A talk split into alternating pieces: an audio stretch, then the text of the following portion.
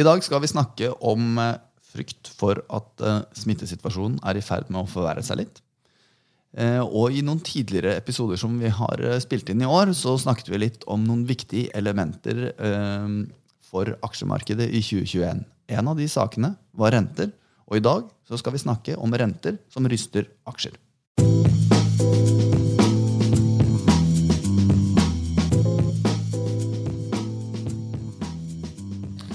Er du med meg, Kristian? Det er jeg, vet du. Det er bra. Du, nå virker jo liksom Eller det virket en stund da som at nå er vi på bedringens vei. Alt skal bli så mye bedre. Smittetallene så fine ut. Og, og, og tenker liksom å, skal vi komme tilbake til et normalt samfunn igjen?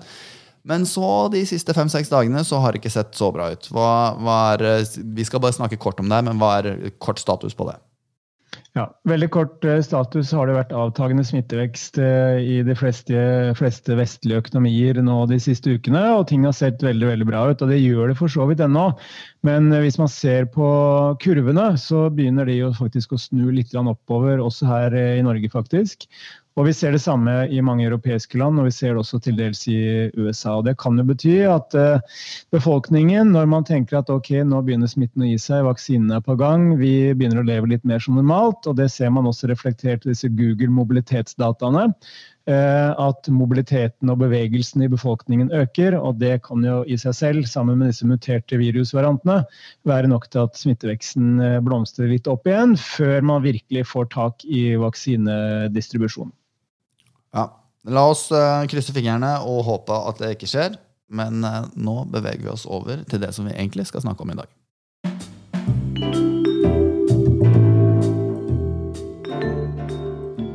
For Kristian, Vi spilte jo inn en episode her for uh, både egentlig forrige uke og, og uken før der nå, så snakket vi om en del viktige elementer for aksjemarkedet i 2021, også på lengre sikt, for den saks skyld. Og en av de eh, elementene er renter. Og hva er det som har skjedd nå?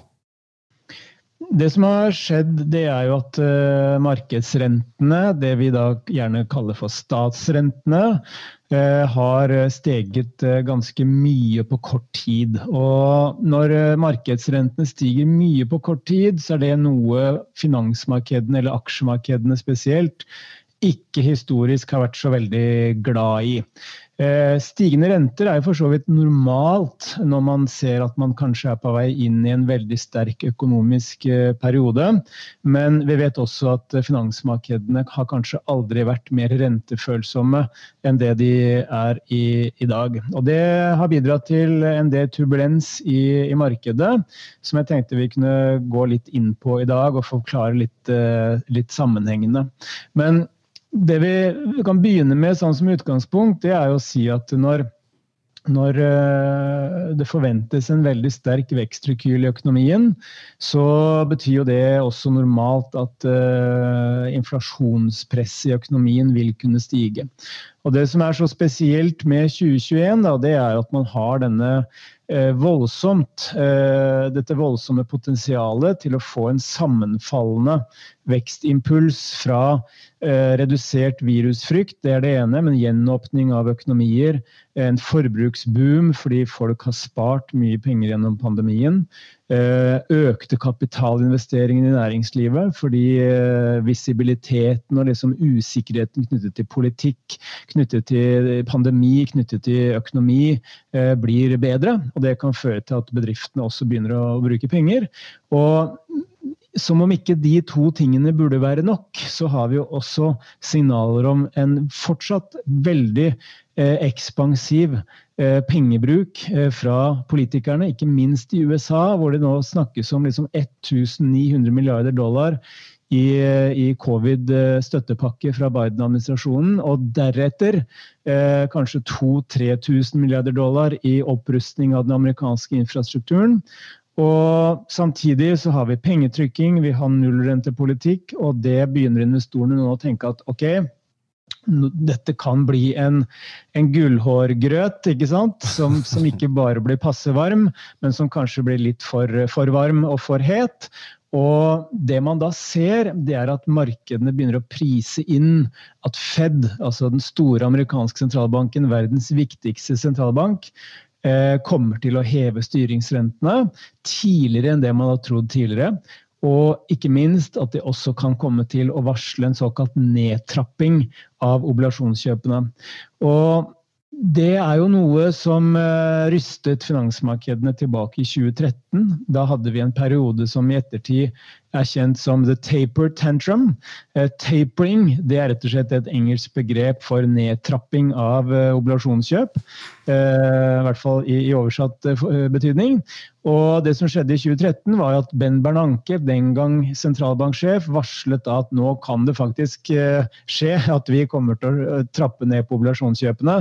Og da skapte det store rystelser i finansmarkedene, ikke minst i emerging markets-aksjer. Og Det man da ser nå, det er at investorene de har ikke tenkt å vente på at de signalene kommer fra sentralbanken. De tar dette på forskudd, og de selger, selger seg da ned i statsobligasjoner.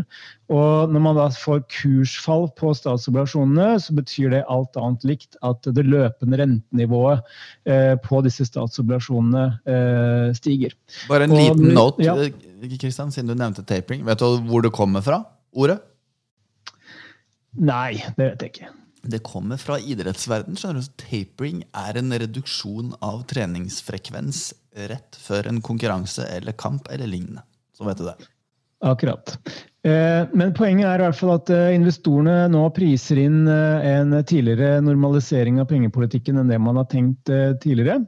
Og det gir jo da utfordringer i, i aksjemarkedet. Fordi vi vet jo, eh, som vi har snakket om mange ganger tidligere, at eh, rentefølsomheten i finansmarkedene er veldig veldig høy. Og det ser vi ikke bare i aksjemarkedet, hvor eh, denne interessen for vekstaksjer, teknologi, grønne aksjer osv. har nådd ekstremt høye nivåer. Og, men vi ser det også i, i oblasjonsmarkedet, hvor de, den, den ekstra avkastningen da, som investorer krever for å låne penger, pengene sine til selskaper, den har falt uh, markant. Og når det blir billigere og billigere for selskapene å låne penger i obligasjonsmarkedet, hva gjør de da? Vil de ha kort eller, løpetid, kort eller lang løpetid på lånene? Jo, de vil jo selvsagt ha lang løpetid på lånene sine. De binder inn den lave renten så, si, så lenge de kan. Og Det betyr at vi har en kombinasjon av veldig veldig lave renter i, på kredittobligasjoner, men også rekordlang løpetid på obligasjonene. Og Nå skal ikke dette bli for teknisk, men uh, dere får bare stole på min kunnskap om, om at når, når, den gjennomsnittlige løpetiden på disse obligasjonene er veldig lang, så betyr det at følsomheten for stigende markedsrenter blir enda høyere. Og det betyr større potensielle kursfall. Så ikke bare er dette et problem i aksjemarkedet, men det er også en potensiell utfordring i, i oblasjonsmarkedet generelt. Ikke bare statsoblasjoner, men også for uh. Og bare for å ta med det, før jeg går over til uh, fem, uh, fem ting som stigende markedsrenter kan utfordre aksjemarkedet på, så vil jeg også nevne at verdien av en amerikansk statsobligasjon med henholdsvis 10 og 30 års løpetid er ned henholdsvis 5 og 14% i verdi så langt i år. Og Det betyr jo da at de investorene som har bommet på sitt rentesyn, de som har trodd at rentene skal være lave eller falle videre, de har da stått virkelig på feil fot, og de må slikke sårene sine eh, i øyeblikket. Og det gir også ringvirkninger inn til deres forvaltning. Kanskje de må selge seg ned i andre posisjoner i aksjemarkedet f.eks. For, for å dekke disse tapene. Men det jeg tenkte vi kunne gå inn på nå, det er rett og slett fem ulike ting som eh, kan potensielt påvirke aksjemarkedet negativt når markedsrentene stiger. Den første det er det vi også har snakket litt om på Danske Bankers tidligere, som er et litt sånn teknisk begrep, men det er det vi kaller diskonteringseffekter. Fordi den teoretiske prisen på en aksje, det er jo nåverdien av all fremtidig inntjening, eller kontantstrømmer om du vil, i selskapets levetid. Og denne nåverdien den beregnes ved å bruke en diskonteringsrente på disse forventede inntektene frem i tid. Og Jo lavere diskonteringsrenten er, desto høyere nåverdi, og dermed teoretisk aksjekurs, og selvsagt omvendt. Altså jo høyere diskonteringsrente, jo lavere nåverdi og jo lavere aksjekurs. Og her kommer dette med forskjellen mellom vekst- og verdiaksjer inn. fordi vekstaksjer, enten vi snakker om teknologi eller fornybar energi spesielt, så er jo dette selskaper som har den største andelen av sin forventede inntjening et godt stykke inn i fremtiden. Det gjelder ikke minst fornybar energi. Og da får de en ekstra stor negativ eh, impuls fra stigende renter, fordi diskonteringsrenten stiger, og det gir da en uproporsjonalt mye større nåverdieffekt og aksjekurseffekt for disse aksjene relativt til det vi kaller verdiaksjer. Fordi verdiaksjer er jo da gjerne mer knyttet til den økonomiske syklusen, og enten vi snakker om energi, som kan dra nytte av stigende oljepriser, eller bankfinans, som kan faktisk dra nytte av stigende renter, og spesielt da en brattere rentekurve, dvs. Si at de lange rentene stiger mer enn de korte. Men også industri og materialer, som er sektorer som vi har spesielt eh, tiltro til i øyeblikket, kan dra nytte av økt industriaktivitet, økte kapitalinvesteringer osv. Så, videre. så diskonteringseffekter, det er den ene. Den andre det er dette med fortjenestemarginer. Fordi når rentenivået stiger, så betyr det alt annet likt høyere finansieringskostnader for næringslivet. Og med mindre selskapene da klarer å flytte denne kostnadsøkningen over på kundene sine, så betyr det fallende fortjenestemarginer, og det vil gå ut over inntjeningsveksten, og dermed også potensielt aksjekursene. Den tredje det er alternativavkastning. Vi har jo alle hørt om dette TINA-akronymet, altså There is no alternative to equities. Og Det er jo et akronym som har henspeilet på det faktum at eh, investorene ikke har hatt andre alternativer enn aksjer for å oppnå god avkastning pga. det ekstremt lave rentenivået vi har hatt. Men når rentenivået da stiger, så betyr jo det at TINA mister sin virkningskraft. Og bl.a. da som følge av at man kan få en høyere avkastning på en ganske risikofri, i hvert fall med tanke på kredittrisiko, eh, statsobligasjon. Og det vi nå ser som et eksempel på dette, det er jo at renten på en amerikansk tiårig statsobligasjon er nå høyere enn utbytteavkastningen alene fra SMP 500. Og det har jo vært et argument for aksjer tidligere, nemlig at utbytteavkastningen har vært høyere enn renteavkastningen, men det har nå snudd. Det fjerde det går på det jeg rett og slett kaller risikoaversjon. Fordi dersom markedsrentene stiger mye på kort tid, som vi har sett nå, så utløser jo det kursfall for statsobligasjoner. Ref det jeg nevnte med minus 5 og minus 14% for 10- og 30-årige amerikanske statspapirer nå siden årsskiftet. Og for investorer da, som har realisert disse tapene på obligasjonsinvesteringene sine, så kan det bety at eh, de må redusere porteføljerisikoen sin også ved å selge aksjer eller kredittobligasjoner, som da kan gi ringvirkninger til disse markedene også. Og generelt, det er vel det vi kanskje ser nå, det er jo at eh, når usikkerheten rundt renteutviklingen generelt og dens påvirkning på finansmarkedene spesielt øker, så kan det svekke risikoviljen og i verste fall utløse en selvforsterkende spiral. Og Det som vi også skal ha med i, i bakhodet, det er jo at forskjellen mellom 2013 og i dag, det er jo eksempelvis at den gang så var PE på globale aksjer 13. Nå er den på 20. Og markedene den gang var ikke så langt nær så dyre som det de er i dag. Og vi hadde ikke i nærheten av den samme ekstreme optimismen og ekstreme posisjoneringen blant mange investorer som det vi har i dag. Og det gir kanskje, eh, hvis jeg skal være litt djevelens advokat, en større nedside også for aksjekursen nå, dersom dette ikke roer seg. Det femte og siste det går på økonomiske effekter. Fordi Hvis rentenivået stiger mye, så vil jo det kunne løfte renten eksempelvis på lån til bolig. Det ser vi i USA nå. Boliglånsrenten i USA har begynt å stige. Det vil også kunne løfte eh, finansieringskostnadene i næringslivet. Og det kan igjen svekke kjøpekraften hos husholdningene, eller dempe etterspørselen etter kreditt i økonomien generelt. Og dersom etterspørselen etter kritt i økonomien faller, så er det en motvindsfaktor for økonomien. Men hvis jeg skal oppsummere, for å ikke gjøre denne poden altfor lang La meg prøve å gjøre det, Kristian. Nå, nå, Ja. nå har du vært helt rå, syns jeg. Nå er det struktur her. Altså. Nå har jeg lært deg godt, føler jeg. Jeg tar kreditt for den der. Men de fem tingene som du nevnte at, eh, at det er viktig, og så får du rette meg hvis jeg tar feil her, det er først diskonteringseffekten. Noe jeg syns du eh, forklarte med glans. Eh, det vil jo da gjøre at eh, særlig de selskapene med hvor broparten av deres eh, inntjening er lengre fram i tid, de vil jo skades mer av enn selskapene som har inntjeningen nærmere, hvis renta går opp. Så var nummer to var eh, fortjenestemargin. Redusert fortjenestemargin. Eh, det tredje var alternativ, eh, alternativ eh, investeringsting, holdt jeg å si. TINA, som det kalles. Eh, hvis rentene går opp, så har du plutselig noen alternativer, og da er kanskje ikke aksjer det eneste du kan investere i. Det fjerde var en generell risikoaversjon. Trøblete eller trøbler i, i obligasjoner osv.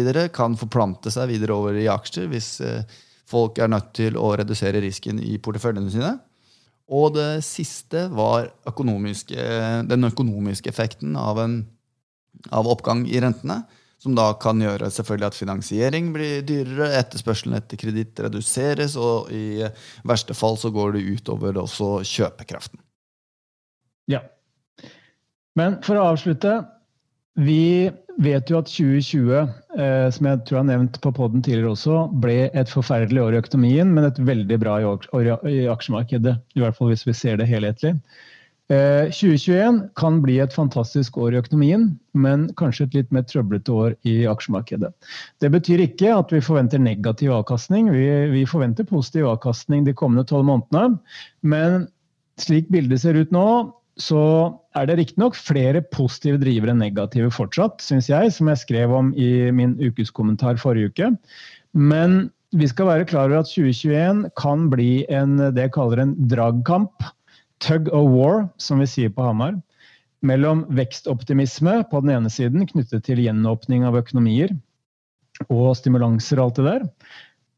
Og rentefrykt og stimulansereversering på den andre siden. Eh, og dette vil kunne gå i rykk og napp gjennom året, fordi de kommende ukene og månedene så vil vi med stor sannsynlighet kunne se noen av de beste økonomiske tallene vi har sett i en mannsalder. Og i seg selv så vil jo det kunne være nok til å trekke optimismen enda høyere, i den grad det er mulig i aksjemarkedet. Og dermed også aksjekursene, fordi det vil kunne løfte inntjeningen i selskapene videre. Og ser vi på hva analytikerne gjør om dagen, så oppjusteres det fortsatt langt flere inntjeningsestimater enn det som nedjusteres. Og det er veldig, veldig positivt.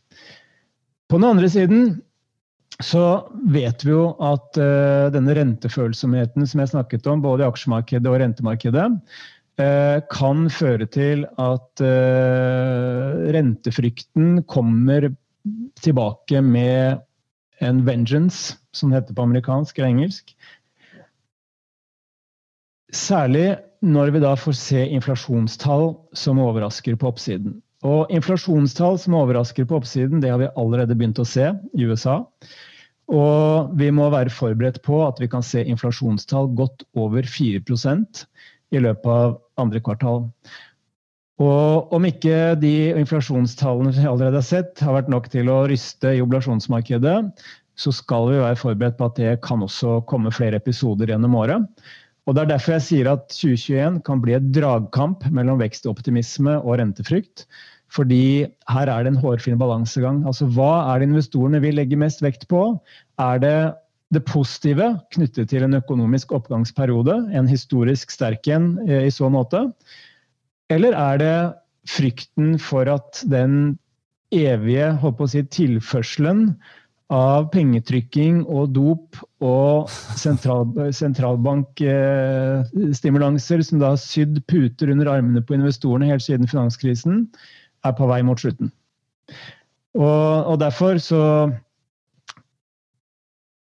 skal være forsiktig med å spå, men uh, det, kan nok være at 2021 uh, ender opp med positiv avkastning, men at uh, vi kommer til å oppleve flere vanskelige perioder gjennom året. Ja, men vanskelige perioder gir også muligheter, Kristian. Helt riktig. Har du noe du ønsker å plugge før vi runder av? Mm, nei, det skjer jo altså, Når man da har dag nummer 340-16 på hjemmekontor, så skjer det jo ikke så veldig mye nytt, egentlig. eh, og vi jobber jo mye med det samme, så det er egentlig makrokommentarene mine og Twitter-kontoen min som eh, er det jeg kan plugge. Ja, Gå inn på Twitter og søk opp at liechr, så kan dere høre eller lese mer som kommer fra Christian. Og i dag er det faktisk eh, siste dagen min før pappaperm.